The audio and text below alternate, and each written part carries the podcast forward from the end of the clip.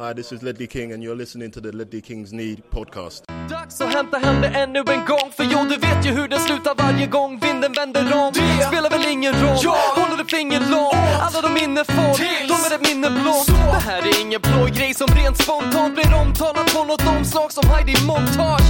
Eller Spencer Pratt, är nog den endaste svenska MC'n som har en känsla för rap. Så hey! släng upp en hand om du känner vad som sägs. Är nu en podcast coming your med Så mannen och bara tryck på play Hey! Hey! Släng upp en hand om du känner vad som sägs Är du en podcast coming your way Så ge mig femman mannen och bara tryck på play Hey! Yo, yo, yo! Lelly Kings knä är tillbaka. Avsnitt 25. Även känns som Hugo Doris avsnittet. Eh, idag är det bara jag, Per Frykebrant och Marcus Håkman här. Det betyder att vi har ett speciellt namn på podden, vilket är Whiskypodden. Som det heter när det bara är du och jag, Marcus. Vad känner du om det? Ja, det, är ett, eh, det är ett namn som kanske lever upp lite mer. Alltså, om någon såg vad som hände i fredags i en YouTube-kanal. Ja. Så ja, det dags för lite whisky där. Det dracks eh, en hel del whisky och vi tackar alla som eh, stannade uppe med oss och drack whisky tillsammans med oss Ja. över nätet. Ja, just det. Romantiskt och fint tycker jag faktiskt. Ja, absolut. Bygger broar. Vi bygger, vi bygger broar, det gör vi. Och en bro som vi kan lägga nu är ju över till eh, Manchester City och Hull City Tigers Hidden Dragon. Eh, Men vi börjar väl i eh, säsongens fjärde bottennapp, eller hur vi ska kalla det. Ja, säsongens fjärde förnedring i alla fall. Men eh, även trots att det var så var inte det här förnedringen. Den här förnedringen känns som att det finns, som jag ser mer förklaringar till än vissa andra förnedringar. Ja, absolut. Vi börjar ju, om jag ska dra en snabb analys, och första 30 minuterna som var bedrövliga. Eller att det var att City var omänskliga. Det var väl en kombination av båda delarna tror jag. Medan eh, sen, utifrån hur matchbilden såg ut, så tycker jag vi tar oss in i matchen. Vi är ju absolut inte på något sätt dominanta och för spelet, men eh, jag, jag ser oss inte som underlägsna längre, Manchester City. Fram till eh, den bedrövliga utvisningen som sker i andra halvlek där med Danny Rose, som gör en så kallad Glenn Hysén-brytning för att backa bandet till 1989. Ja, och sen rasar ju matchen helt enkelt.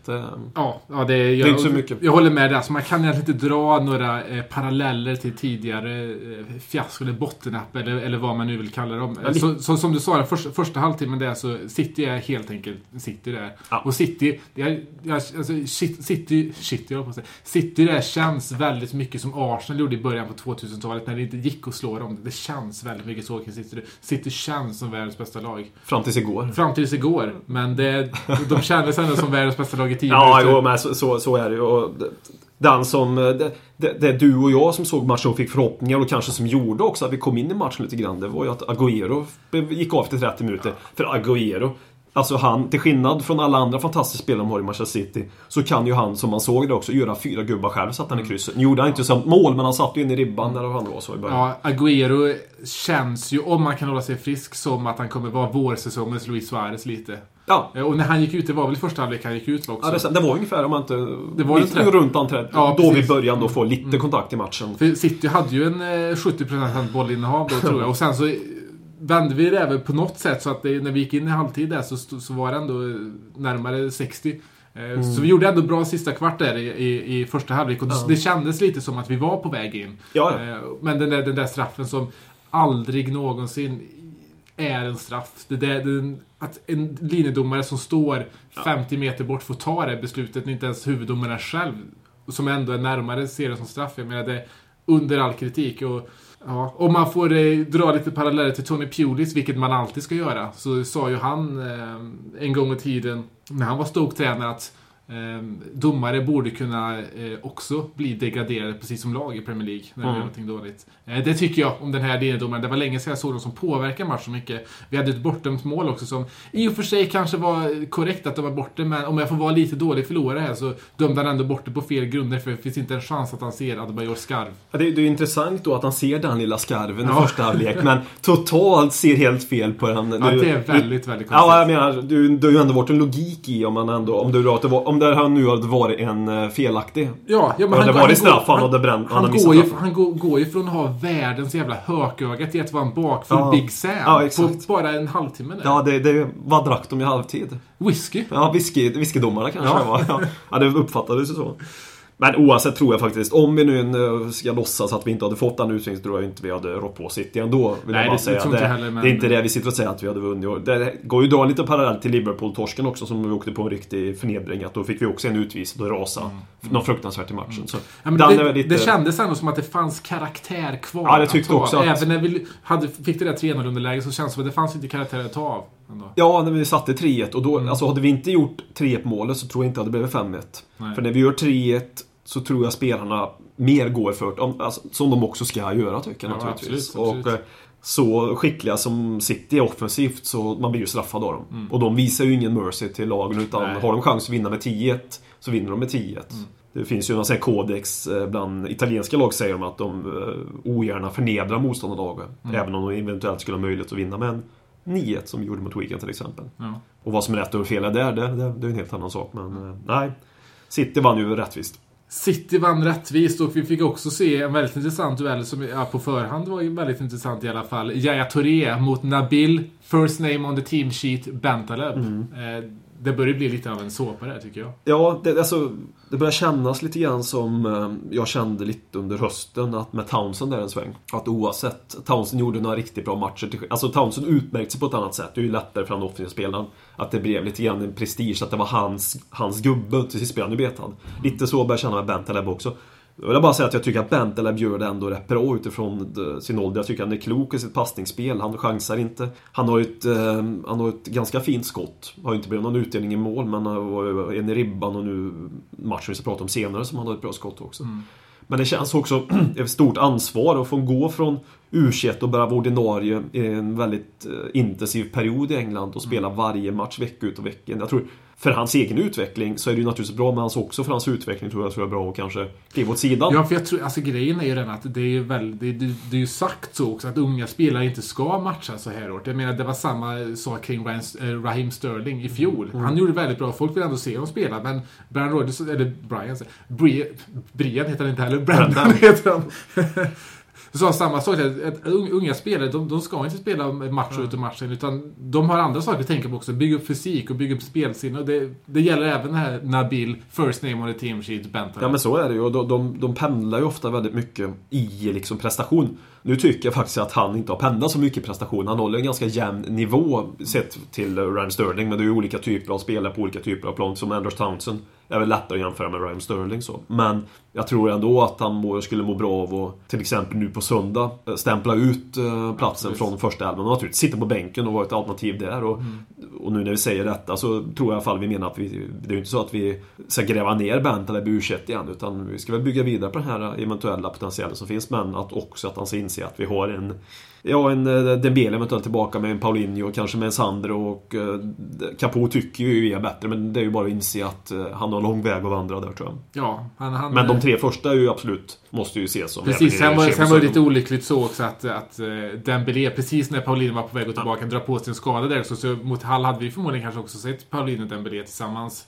Och det är kanske egentligen match så som Hall borta, då är det helt okej kanske då att spela Bentaleb. För det är kanske är sådana match, såna, fler mer sådana matcher han ska spela faktiskt. Ja, alltså så sett vi att det kanske var mer logiskt naturligtvis att petat honom Eller ja, peta honom mot City hemma eller mot Arsenal borta som vi också tidigare sagt och få spela alltså, Hall borta är ju en tuff men alltså speciellt sådana matcher som Crystal Palace och de här och, eh, och s- få spela de matcherna istället för United Away som han också gjorde visserligen bra men, men eh, nej det blir lite, lite för, går lite för fort för honom själv. Ja, Måste hinna stanna upp också. Absolut. Och det här, vi, vi, vi snackade lite om att det var inte riktigt det här, det här eh, bottennappet mot City, i alla fall karaktärsmässigt. Men när vi kom tillbaka på lördagen och spelade mot Hall så kändes det lite som att det faktiskt hade fått en rejäl inverkan på spelarna. Eh, Det kändes så. Vi spelar bra, vi, vi förtjänade att vinna den här matchen, men det, det kändes som att det här är ett lag som inte har självförtroende just nu. Det var, de försökte sig på one-touch och allt det där, men det var i passningarna, det, de agerade väldigt mycket som ett lag som inte har flyt. Eller ett gäng av spelare som inte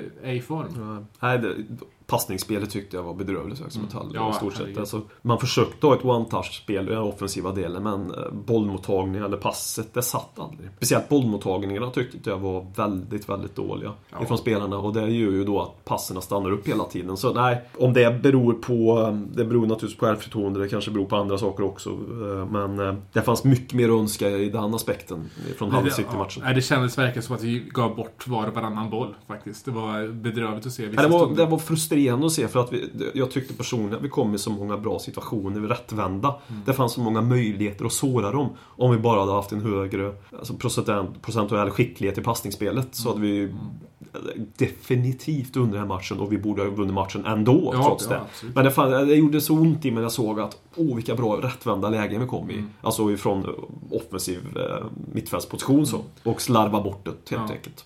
Eh, Vi har, och det fanns ju faktiskt eh, också eh, bevis, eller prov på att liksom, riktigt fina spel under matchen. Att Bajor hade detta i första halvlek. Eh, och tyvärr så kunde vi inte kapitalisera på de här och när Hall fick sitt mål som är... Det är ju ett jäkla flytmål egentligen, men alltså för...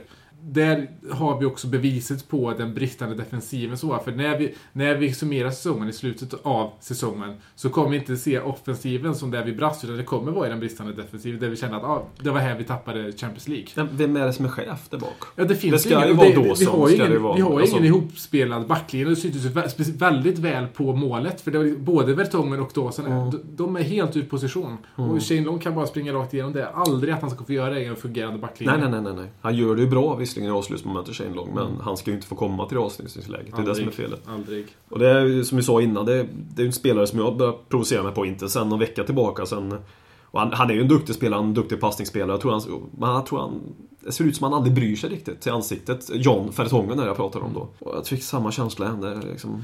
Alltså jag hade skulle väl- kunna släppa sin atombomb bredvid, han skulle se likadan ut ändå. Ja, men jag hade väldigt mycket den känslan innan han blev skadad och då Mm. fanns det stark irritation från mig på Jan Vertongen. Mm. Nu i den här matchen mot Hall så såg jag inte riktigt eh, samma sak. Det kanske har någonting att göra med, med managerbytet också. Han har ju faktiskt inte spelat sen Tim kom in.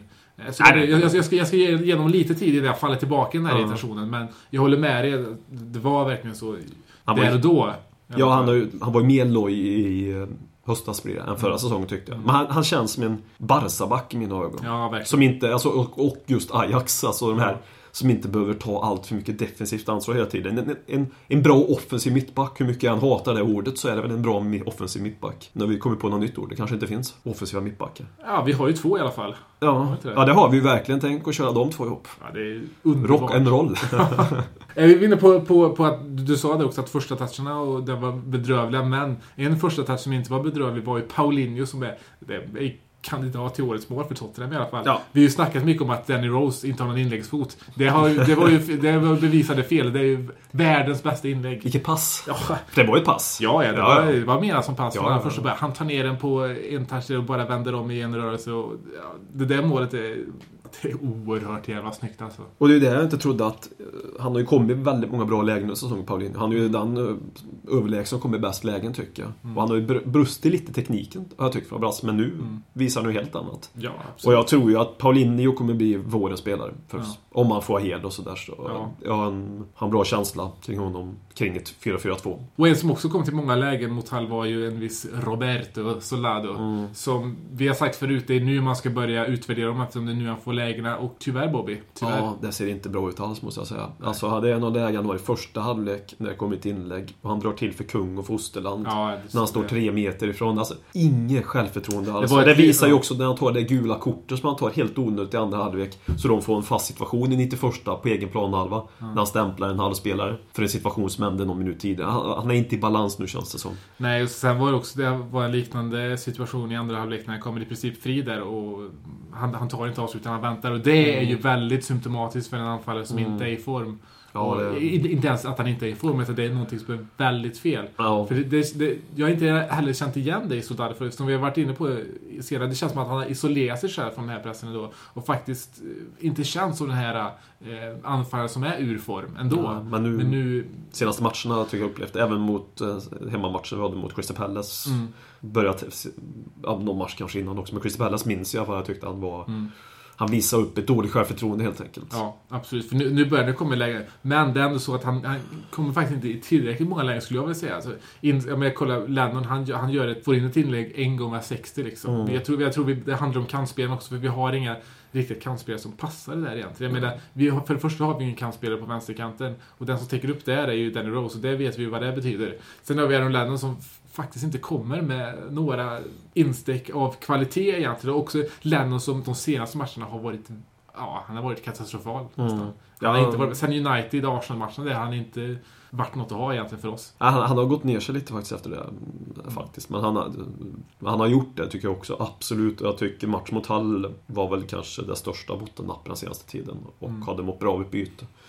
Men han är, det känns som man vill ha en renodlad ytter med där. Så länge Townsend inte är uh, duglig så tror jag vi kommer köra där. För jag tror att det är Ja. den filosofin. Jag tror inte han vill krympa så mycket och köra med för man kan ju slänga in Gylfi, men du får ju ingen som slickar linjen då. Nej, alltså jag håller och, då, med. och det var väl också tecken då, om man backar bandet, varför han då tog upp Kyle Walker vid tillfälle Mm. och satte in Kyle Norton som han tyckte var ett jättetydligt, jättekonstigt byte, som också var ett konstigt byte, men det är för att han vill, vill ha en på någon av kanterna som är traditionell ytterspringare liksom. Ja, absolut. Och jag menar, han, hade, han har ju inga val just nu. För Chadli eller Gylfi på någon av kanterna, i alla fall i en match mot Hall borta, ska ju inte vara ett alternativ egentligen, tycker jag. Nej, du ska ju bredda spelet och, men på någon av kanterna, men sen som, när Towns kommer tillbaka kan man ju köra Townsend på vänster och köra den inverted på höger istället. Ja, precis. Om man fortsätter med samma typ av formation då. Och jag, jag hoppas verkligen, för jag tror verkligen att Lamela och de här kommer få chansen nu när de kommer tillbaka. Och precis som du säger, köra en, en, en, en kantslickare i Townsend och, och att, att eh, Lamela kanske får ta över Erikssons roll lite på andra kanten. Eh, Och då på så sätt lämna högerkanten fri för en Kyle Walker som är Som- bättre lämpad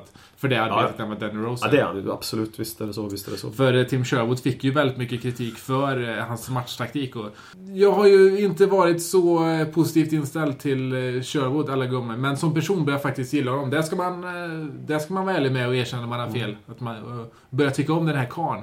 Men eh, det känns inte som en fotbollstränare i mina. Alltså, han brister i taktiken. Och, visst, han hade inte många... Eh, han hade inte så många alternativ just nu som vi snackade om med, med kanterna. Ändå, han gör, han gör ett byte och det är ett tvingat byte som är på Adebayor. Solado skulle ha bytts ut ännu tidigare. Paulinho skulle också ha bytts ut. Och det är ändå Ja, det spelare, det, jag. det, vi hade lite på bänken. och Jag satt och hoppades på Harry Kane tidigare, Jag satt också- det är och det säger en del. Alltså, det har man inte gjort Ja, många absolut. gånger den säsongen. Nej, eller jag- tidigare säsonger heller. Men, Jag, jag, satt, jag satt i minut 53 och hoppades på Harry Kane. Just för att det kan inte vara sämre. så- Det var ju Soldad jag ville ha ut också faktiskt. Mm, han, ja. det syntes att han, det var inte hans dag alls. Nej. Eh, i lördags. Nej men sen tror jag varför många är så kritiska. Jag ser inte den uppenbara eh, taktiska bristen hos eh, Tim Sherwood förutom det byt, att han var lite klen med byten nu senast. Klart jag ser brister. Men jag, jag personligen tror jag att många hakar upp sig, om det nu är många som har gjort det, men de som har gjort det i alla fall, och inte för att berätta hur de tänker, men det, jag tror många har upp sig på Bentaleb, att det blev någon sån här fixgrej att han spelar Bentaleb hela tiden. Mm. Och att, att man då dömer ut hela hans taktiska register på något sätt. Ja, så- och sen så finns det. ju en sån här bild att när han kom in och började köra 4-4-2 så finns det ju en sån där bild bland folk att 4-4-2 är så förlegat att Mm. det känns som att få Sven-Göran Eriksson tillbaka. Och då dömer man ut det också. Mm. Lite lätt kanske. Istället för att det är ju inte, det är ju 4-4-2 på papper men inte det 4-4-2.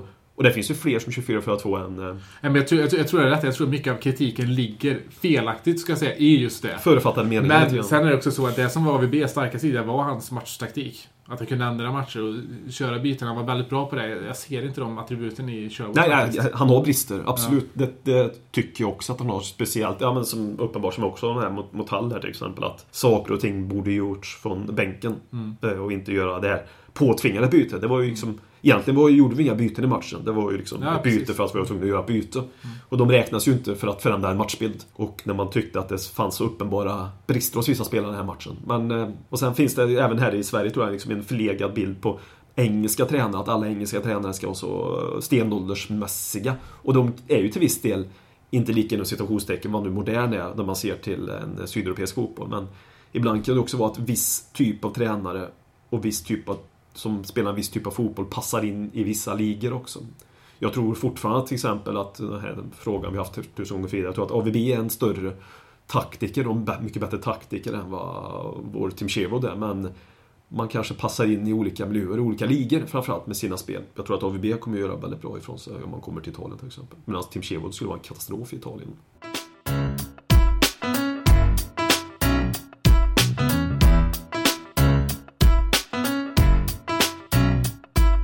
Yes, och på söndag så har vi en utav, ja, vad som känns i alla fall, eh, en av de viktigaste matcherna vi har kvar den här säsongen, Everton hemma. Everton är ett lag som, i alla fall de två senaste säsongerna, vi har haft inte speciellt roliga bataljer med. Men nu så möter de en ganska bra tidpunkt och deras bortaspel, jag tror inte de har vunnit sen i december på bortaplan överhuvudtaget. Så är det bra läge nu kanske att möta dem? Det känns så. Eh, de, alltså magkänslan är att de har blivit lite tröttare faktiskt. Ja. De eh, vinner ju fortfarande rätt mycket av sina matcher men spelet imponerar inte lika på mig i alla fall. Eh, nu såg jag inte senaste matchen ska jag vilja erkänna. Jag bara såg målutvecklingen. Liksom. Så jag tror att det kan vara bra till, ett bra tillfälle för oss att få möta dem. Speciellt hemma. Vi måste ta de här hemmamatcherna mot Everton och måste nästan ta mot Arsenal också. men just nyckelmatcherna som jag har sett är ju Everton-Liverpool framförallt som vi har kvar. Som vi har absolut inte råd att förlora i de här fallen. Och, ja, vinst är nästan nödvändigt i alla fall på hemmaplan mot Everton. Som... Ja. Men som du säger, Everton känns väldigt trött och det är ju det är ett resultat av deras trupp. Men deras trupp är ju oerhört tunn. Ja, och det ser man ju inte minst nu. Jag menar deras tre anfallare som de har, Lukaku,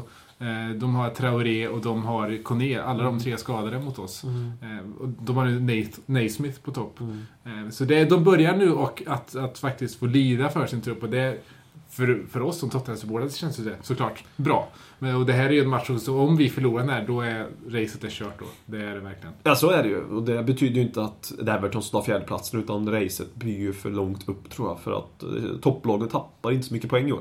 Det tror jag, jag spontant tror jag inte, räknar detta, men att det kommer krävas över 70 poäng i alla fall för att ta fjärdeplatsen. Ja, det tror jag. Det kan till och med bli nytt rekord för att ta fjärdeplatsen igen. Så att säga. Mm. Det skulle inte förvåna mig heller. Så vi, nej, vi har inte råd att, eh, råd att tappa någonting här mot Everton. Vi har inte råd att tappa två poäng. Och... Everton, som är, alltså deras mittfältstrio, det är som, som de har på mitten, det är väldigt vass. Det, det kän, mm. Där känns det nästan Champions League-klass på det. De har Ross Barkley, de har Gareth Barry och de har eh, McCarthy. Är Everton hemma ett, ett, ett sånt tillfälle där vi ändå ska anpassa vårt lag för för motståndarlaget. Jag tänker ju framförallt, som du sa förut, så kanske låta eh, Bentaleb eh, få sitta den här matchen. Om vi har tillbaka både, både Dembélé och Paulinho i startelvan. Kanske till och med ha Chadli från start. För jag tänker främst på vänsterkanten nu, där Everton har Colman. Colman kommer ju, han kommer ju leka med Danny Rose om han får den chansen. Och där, är, där behöver vi komplement till Danny Rose. Samma sak med högerkanten. Vi kan inte lämna högerkanten fri heller, för där har vi Leighton Baines också. Mm. Så det är, kanterna är ju där Everton attackerar och det är också där vi är svaga, tyvärr. Mm. Ja, det är ju ett problem.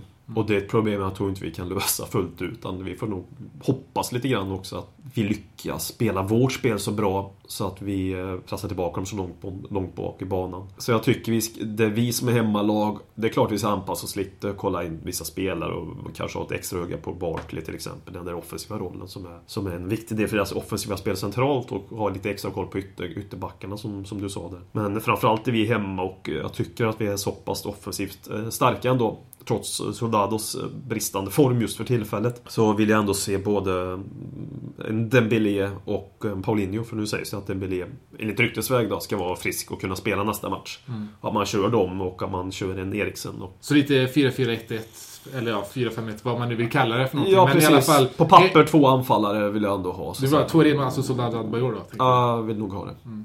Ja, jag, vill, jag vill ju gärna, för jag vill ju inte att något lag ska komma till White Hart Lane och vi ska anpassa vårt spel för det. Nej. Men det är just om vi kör det så som vi har kört förut, vår vänsterkant blir alldeles för exponerad tror jag. Jag tror vi ändå vi behöver någon där ute. Ja, alltså det är det största problemet är. För mm.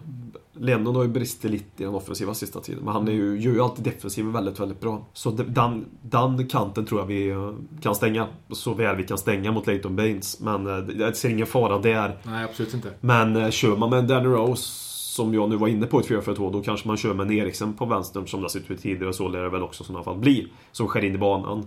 Han tar ju ingenting. Då får man ju hoppas att en Belé till exempel tar jobbet. Man, man utsätter sig för en uppenbar risk på en kant men... Det är kanske är värt det. Man, ja, man, man skaffar ju kanske också tack vare det ett övertag på den offensiva planhalvan också. Mm. Alltså, det är lite ge och ta. Man kan ju inte... Jag tror inte att vi bara går förlorande ur en sån grej. Nej. Det kan ju eventuellt kosta oss någonting också som inte vi vill att det ska kosta oss. Poängtapp till exempel. Men det kan som jag sa också göra att vi i den offensiva delen skapar oss ett så pass övertag att vi kan vinna matchen på grund av det. Mm. Gre grejen med att ha Eriksen i mitten också att Eriksen är som spelare, han är väldigt sådär hot and cold. Alltså, antingen är han jävligt bra eller så är han mm. helt osynlig i matchen. Mm. Och har han en sån, sån roll som han har i ett 4-4-2 där han utgår från vänsterkanten, då blir, han, då blir inte det, spelet blir inte lika mycket lidande då. För har han under vissa stunder där han inte är lika het, han kan gå ut på kanten och göra sin grej ändå, i alla fall göra det defensiva jobbet. Spelar i nummer 10-roll, har han en, en kall period under matchen, eller hela matchen som vi har sett ibland, det blir oerhört lidande för spelet också. Dock så, senast vi mötte Everton, först, första halvleken där, jag tror jag, i, i mitt tycke i alla fall, kanske den bästa halvleken vi gjort i år faktiskt. Ja, det var vi speciellt, speciellt pressspelet där, Ja. var, ja, det var en fröjd att se. Då var det nog det spel AVB ville se. Ofta. Det Det var det nog. det, var nog det spel liksom, som man ändå har någon vision, eller hade en vision om att ha i Tottenham. Där fick man se den halvleken mot Everton där. Mm. Det tror jag också, för då var vi... Ja, det var en fröjd att se oss faktiskt. Då var det ett, eh, om man får uttrycka ordet, mirakel att vi inte ledde den matchen. Ja, och um, andra halvleken såg det lite annorlunda ut. Så 0-0 efter 90 minuter var väl ett rättvist resultat. Eller oavgjort i alla fall, alltså, som jag minns. Och då körde vi också, men inte riktigt missminner med att vi neutraliserade kanterna med just Chadli. Ja, det kanske gjorde. Jag minns inte alls, jag, tyvärr. Men eh, så kan det vara. Vi börjar bli lite gamla här, så vi har, så har, haft, har lite whisky kvar i kroppen. Ja, Och det har ju BM också, det är därför han inte är här. Han är ju fortfarande bakis efter whiskyångorna. Han drack ju inte den kvällen, men... ja, han smuttar väl lite i alla fall. Ja, lite grann sådär. Men det, Lite kärringsmutta. Ja, Ja. ja det, han, han är ju känslig för sånt. Han är känslig. Ja, det är han ju på riktigt, så det ska man väl inte göra sig rolig över. Men eh, han lyssnar ju ändå aldrig på avsnitten, så alltså, det. Och sen är det ju också, om man ska återgå till spelarna här, så finns det ju en spelare som jag har eh, blivit orolig över. Eh, på sista tiden, det är Hugo Lloris. Och att han, eh, det måste sitta bättre nu alltså det här. För det, det är på väg att kosta oss poäng varje match känns det som. Han kommer så feltajmat ut i situationen och han går ut i situationer när han inte alls ska göra. Jag tyckte det var en två, tre gånger mot Hall han gick ut. När det inte fanns någon idé att gå ut ens. Eh, Som skulle kunna kosta oss poäng. Han har blivit, tyvärr, lite Gomes-aktig så att säga. I, början så satte han ju 9 av 10 utav de här utrustningarna. Eller nästan 10 av 10 till och med. Han var ju klockren va? Och, och spelade på ett riskabelt sätt. Och jag kan ju förstå att man kan komma fel när man spelar den här typen av fotboll. Eh, som målvakt. Men eh, nu är min uppfattning att han kommer fel 5 av 10 istället. Och eh, går ut i fel lägen när han egentligen inte behöver gå ut. Det började lite grann mot United, som jag sagt tidigare, den kryssmatchen på hemmaplan där. Sen, jag tycker det blivit mer och mer sista tiden. Han springer iväg utan egentligen... Ja, det blev en grej med dem. En som verkar hålla med dig där tror jag är Niklas Holmgren, som är i match mot Manchester City. Ja, alltså, bara på, jag mutar bort vissa röster när jag sitter och tittar på den. Ja, men alltså, om vi ändå är inne på, på Niklas Holmgren kan jag bara säga att den mannen har blivit en parodi på sig själv. Ja, verkligen. Jag, jag börjar tröttna på honom. Ja, jag också. Det- Tyvärr, jag gillade honom jäkligt mycket en gång i tiden, men nu... Han hade ju Speciellt, ja, speciellt också när det inte går bra för Tottenham. Då jag... Och, Han, han, har ju taj- han hade ju en timing förut när, när det var liksom läge att höja volymen på rösten. Ja. Men nu när, nu när man hör honom, nu när han fått varit lite bisittare för Ola Wenström här som eh, ankare-roll. Han pratar ju på samma sätt där när han kommer tillbaka in i studion. Han har ständigt, som Viera har gjort mål mot Arsenal mot United, Ja, han har ju ständigt precis. den rösten hela tiden oavsett vad de pratar om. Så han, man tappar ju liksom, man tappar ju känslan lite grann. För Ja, det känns som att han har gått in på YouTube på något sätt och kollat sig highlights med Niklas Holmgren och säger ja men den här nivån ska jag hålla hela tiden. Ja, för det och så ju gör det- han det även när han är programledare. Det, fun- det funkar inte. Nej, det funkar inte för det är det här som, det är därför han blev, det är hans adelsmärke på något sätt. Ja. Att du lever in så i matcherna, du är så härlig att höra på. Ja. Och då, som du sa där, har han fått för sig att, vad fan, då låter jag så hela tiden då. Då kommer jag vara världens bästa sportikon liksom, i Ja. mediebranschen. Så jag hoppas i alla fall att matchen mot Everton så får eh, i alla fall Niklas Holmgren sitta på bänken. Och att ingen röstar på honom på Guldskölden som bästa kommentator. Och att ingen röstar på Mark Clattenburg som bästa domare som ska döma den matchen också. Ah, härlig med Klettenberg. Han har ju en fin historia med honom där. Ja, han, han gillar oss. Ja, 2005, vi glömmer aldrig. Nej. var Mendes. Fuck Clattenburg.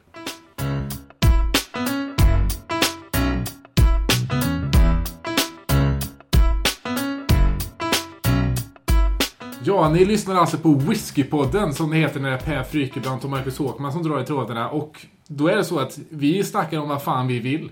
Och två saker som ligger oss väldigt nära om hjärtat är ju Korea och Tony Pulis. Därför ska vi helt enkelt ta tillfället i akt nu när vi är ensamma och faktiskt prata lite om det här i podden. Ja, vi drar de rätta trådarna. Och eh, mot Hall så såg man en flagga på arenan som kanske varit otippat. En nordkoreansk flagga. Vad tycker du om det? Jag gillar inte att du säger nordkoreansk. För jag, jag, jag har ju inte släppt tanken om Storkorea. Nej, nej, nej. nej. Jag, jag, det det att jag vill ju se Korea som ett. Det är inte mina stora hjärtämnen. Jag, Okej. jag har inte gett upp den drömmen än. Nej. Nej. Nej, det ska du ha respekt för. Ja. gäller att hålla liv i sina drömmar och tro, det. och tro på dem framförallt kanske. Så är det. det Storkorea är en stor del av, av mitt liv. Ja. Men det, jag reagerar på samma sätt som du. Och, eh, trodde inte riktigt att jag såg rätt där. Jag tänkte att det var kanske whiskyn från eh, Ja. Sillykvällen som satt i lite. Men jag blev oerhört glad när jag såg den ändå. Ja, det, det förvånar mig också. Jag hade exakt samma. Jag satt och halvlutade mig bakåt. Hur mycket man nu halvlutar sig bakåt när man ser Tottenham.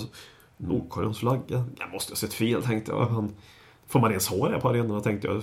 Vad nu allt de står för så att säga. Eller Storkorea. Men så var det ju och vi har fått en liten förklaring till varför det var så också. Ja, Wåhle skrev i alla fall att det var eh, för den här mannen då som tog med sig den här flaggan också ska ta med sig, tagit med sig en israelisk flagga matchen innan till White Hart Lane och inte fått tagit med den in på, eh, på White Lane av någon oförklarad anledning. Jag har ingen aning om varför han inte fick göra Det kan man ju gissa sig till utan att ha läst vad det kan bero på kanske. Jo, alltså det är klart man kan gissa men eh, är det någon gräns som har dragit nu? För jag Ja, menar, nej, nej, nej. Det är klart att man kan dra paralleller till Nordkorea. Då, dock är det inte bara den händelsen man kan dra paralleller till Nordkorea när det gäller Tottenham. Vi har ju ändå Daniel Levy och lite andra metoder i toppen där som man kanske också kan dra som eh, Jag tänkte, referenser till på, tänkte Nordkorea. på israeliska där och Jidarmi-grejen. det Jo, som- det, jag förstod ja, det. ja, jag är trött. Ja. Mm.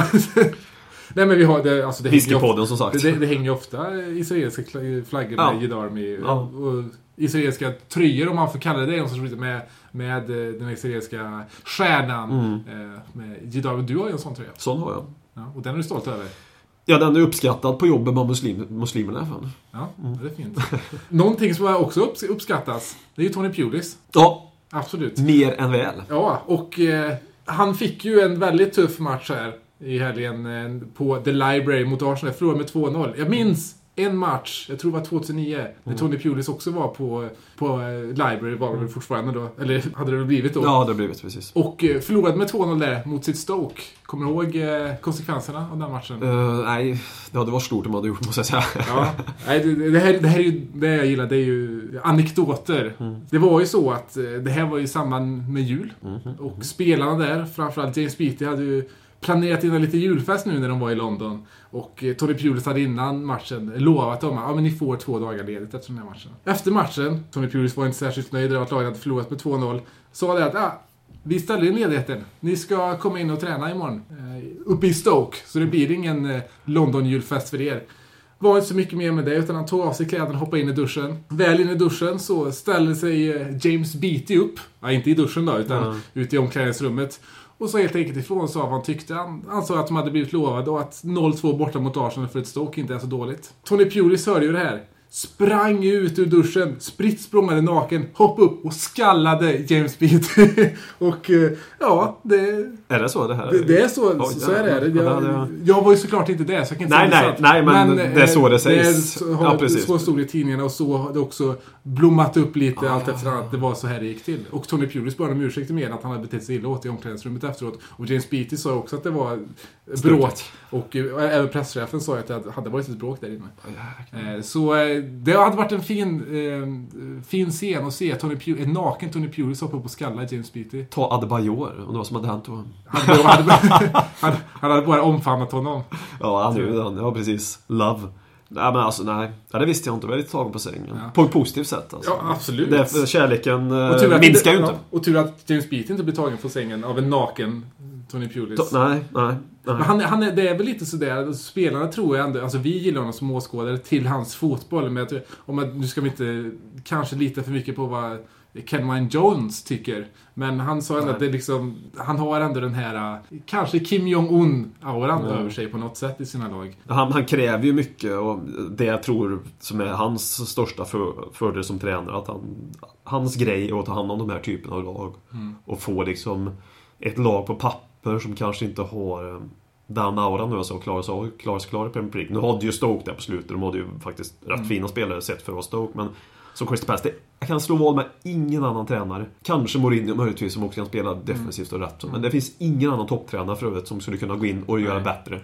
Nej, Eh, bättre jobb med Crystal Palace än vad Tony Pulis har gjort. Och, eh, Tony, Tony Pulis sa att när han tog över Stoke första gången, han hade varit där två sessioner, eh, och när han klarade dem kvar den gången, vilket inte var i Premier League, nej, Eh, Men han klarade dem kvar och han sa att det var hans största bedrift i sin karriär. Och jag tror att skulle han klara av Crystal Palace då måste det slå den bedriften. För det, Kanske inte för att Crystal Palace var i ett, ett helt omöjligt läge, för de, de sparkade även ganska tidigt där.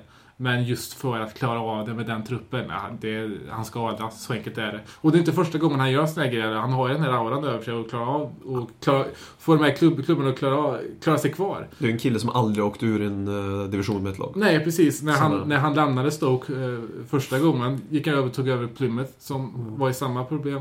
Eh, Stoke som vi sa hade problem. Portsmouth tog han över, Mm. de hade problem. Gillingham tog han över efter Harry Redknapp Mm. faktiskt. Så eh, nej, vi gillar ju Tony Pulis den anledningen. En annan anledning till att vi gillar honom är för att han har spelat i en viss klubb. Mm. Det är Newport. Newport, jaha. Ja, han är ju ja. därifrån.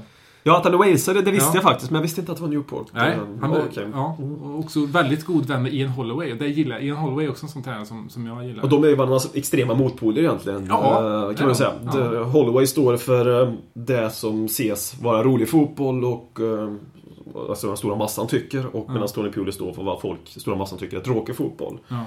Och då är det ju lite komiskt att se vad som var Crystal Palace med Ian Holloway och vad som var Crystal Palace med Tony Pulis där också. Skillnaden. En till Kim, Kim Jong-Un-grej med, med Tony Pulis var ju när han åkte fast för fortkörning uppe i Stoke.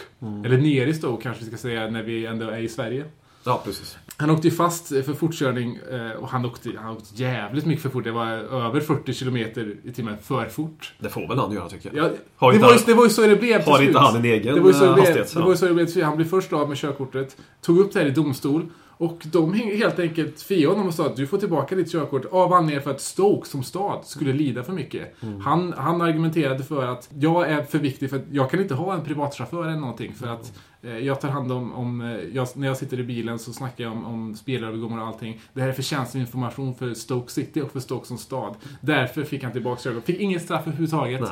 Underbart. Han står över lagen helt enkelt. Som det ska vara. Ja. Vissa ska ju stå över lag. De är väldigt få. Men de som eh, gör, de som ska, de ska få göra det också. Fullt ut så att säga. En annan eh, Kim Jong-Un-tränare är väl också Marco Bielsa. Atletico Bi- Bilbao och det roliga var ju i somras när Bielsas kontrakt gick ut och Tony Pulis sökte jobbet som tränare för Atletico Bilbao. Det hade ju varit någonting för eh, spanska fotbollen att få lite Tony Pulis-fotboll. Underbart. Det hade ju varit Alan Hutton-vibbar på den alltså. När Ja, ja. Hutton går till En- Mallorca. en- Fast en fungerande Alan Hutton hade det nog varit. Ja, och hur hade Tony Pulis klarat värmen och solen där tror vi? Han har ju caps på sig i alla fall, så Ja. det är väl ändå en fördel för eh, grabben så att han blir lite blockerad av solen. Sen... eh, Finns bra löparstråk där i Bilbao. Han är ju en löpare av rang. Ja. Av rang vet jag, men han löper ju väldigt mycket. Ja. Och det syns ju också när han kommer ut och inifrån. eh, Han kommer ju alltid väldigt sent ut på arenan med ett Mm. fint löpsteg. Lätt i kroppen som han är. Och till skillnad från många andra Steve Brucer där ute som kanske inte har det löpsteget. Nej, nej precis. Han är ju som du säger, maraton springer han ju mycket. Ja, jo. Han sprang ju, jag vet i alla fall att han sprang London Marathon 2010 tror jag. Ja, det Eh, stämmer. sprang in på 4 timmar och 31 minuter. Ja, ja, det är en uh, OK-tid. Ja, Det hade, han- det hade inte Kim Jong-Un gjort. Ja, Han, jo, i böckerna så springer väl han in på eh, en och en halv timme. Som han, han spelar väl golf som han springer förhoppningsvis. Och,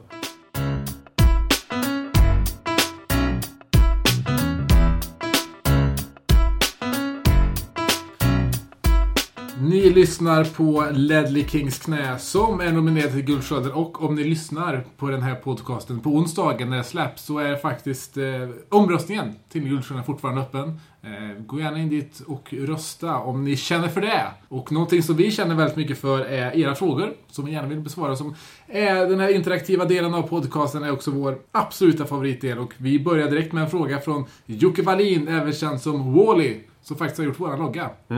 Han säger Inik, in eller ut? Och jag känner väl spontant att med de ägarna, eller de höga posterna som vi har i klubben i och med Inik, som är Daniel Levy och det är Joe Louis. Det är Spurs-supportrar i grund och botten och jag tror faktiskt inte att man kan få så mycket bättre ägare egentligen. Sen kan man alltid klaga på Levy men man måste ändå ställa jämförelse till till exempel Vincent Han eller Hull City Tigers, Hidden Dragon allt sånt där. Gräset är inte alltid gröna på andra sidan. Och um, nej, jag säger också in trots mitt gnäll om Livi. Så man liksom väger in andra saker också. Man kan inte nog få sin vilja och igenom i alla liksom, grundstenar så att säga. Utan, mm. Jag tror också att i och med att de är Spurs så om de vill sälja klubben så gör det nog ändå det, hoppas jag, med lite hjärtat fortfarande i klubben och att de faktiskt hittar en ägare som passar till klubben och som inte gör en, en, en Vincent Tan eller som inte är Red Bull till exempel. Även om Enik har haft en historia av att sälja klubbar där det går bra. Och de har, gör ett bra också jobb med att bygga upp de här klubbarna. AIK Aten, Slavia Prag och så vidare. Mm. Men nej, Enik in, säger jag på den frågan. Absolut, håller jag också med. Enik in. Han ställer en till fråga, Jocke Wallin, och den ställer jag till dig. Tims Dunväst. Diskutera i smågrupper. Och är en smågrupp, så vilken diskuterar han? Ja, och jag säger det är inte in. Nej. Det är out då där istället. Väldigt mycket out. Ja. Uh, dunvästar var väl kanske en grej för tio år sedan lite grann som folk gick med dunvästar. Ja. Jag gick i alla fall med det, men det betyder inte att det var inne. Långt därifrån. Jag hade en dunväst som jag gick med. Men uh, han, han, han sticker ju ut med dunvästen i alla fall. Det är väl ingen annan som jobbar med dunväst på tränarbänken i uh, nej, högsta ligan i England i alla fall. Va? Nej. Men, det kanske är hans grej. Jag menar, uh, Wenger har ju sitt lilla tält han står i. Ja, då, då väljer jag dunvästen. Absolut. Och det har ju inte bara att göra med att det är Wenger, utan det är jävla tält han har på sig, Wenger. Det var inte det jag frågade, men Dan är ju... Det är ju ett, det är ett skämt för fan. Så dunväst in, kanske? Ja, vi ändrar oss här i steget. Ja. Dunväst in. Aaron Lennon-älskaren Afix Triplets, även känd som Mats Viking, har också skrivit till oss här. Han skriver Sista sex omgångarna för oss ser helt okej ut på pappret. Orkar vi hänga i fram tills dess? För spänningens skull. Och vi kan ju rabbla upp de lagen som vi har då. Vi har ju den sjunde sista matchen i Liverpool, men efter det så har vi Sunderland, VBA, Fulham, Stoke, West Ham och Villa. Helt överkomliga Det är väl tre hemma, tre borta. Det är väl inte så att vi har fyra borta, två hemma. Nej, Nej de är hemma och borta. Uh, ja, men, det är jämnt fördelat ja. så, men hemma borta. Alltså jag minns ju det året vi gick till eh, Champions fucking League, 9-10. Eh, så avslutade vi med åtta segrar, två oavgjorda. Eller åtta segrar, två förluster, förlåt mig. Och då en av de förlusterna var en obetydelsefull match mot Burnley, vill jag minnas. Då vi var klara inför sista omgången. Mm. I sista omgången. Jag vet inte om det som krävs för att göra Champions League för att ha en sån avslutning, men vi har ju absolut möjlighet till en sån avslutning. Med de sex sista matcherna i alla fall. Vi, det är ju sex matcher. Det är väldigt sällan man kammar rent i sex matcher oavsett om man trycker den på pappret. Men möjligheterna finns ju, absolut. Mm. Och speciellt om vi har motivationen uppe också, har häng på någonting. Har vi inte hängt på någonting, då kan det sluta helt annorlunda. Det i, I fjol så var det också så att vi, vi mötte ju lag som kämpade om, om, om nedflyttning. Och det gör vi också. Vi kollar. Vi har, vi har Fulham, vi har West Ham. Vi har, vi har Sunderland. Vi har West Ham, då blir det ju inte sex raka segrar. Typ. Nej, Nej, precis. West Ham är ju näst sista matchen, så det kan vara antingen eller. Alltså, det, de, det, det kan verkligen vara så att vi får skjuta dem ur oh, Champions League och det skulle, det skulle kännas bättre. Du ligan menar, inte ur Champions League. Ja. de skjuter oss ur Champions League. Ja, det har de redan gjort en gång, 2005.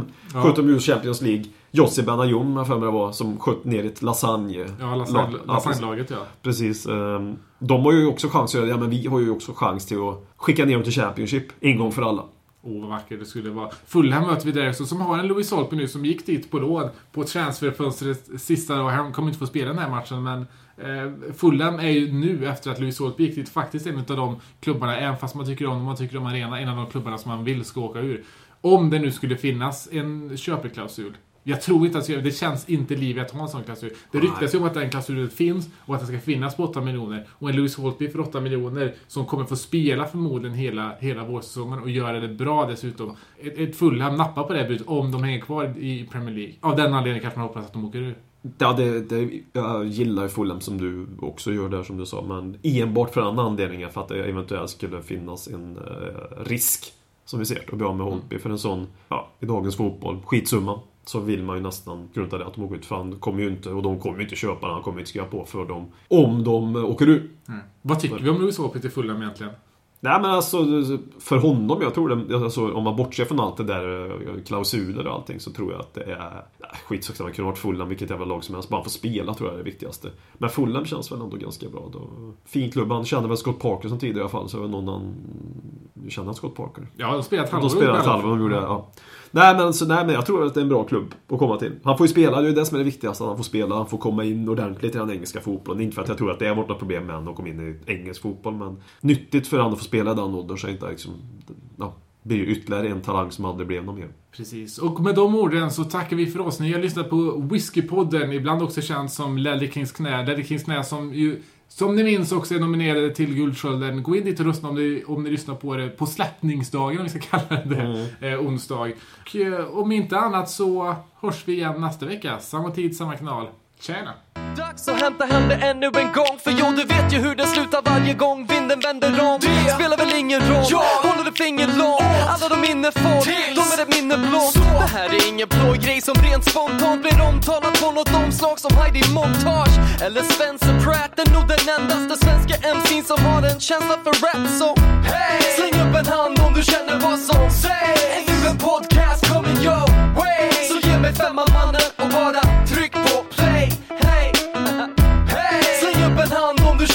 soul say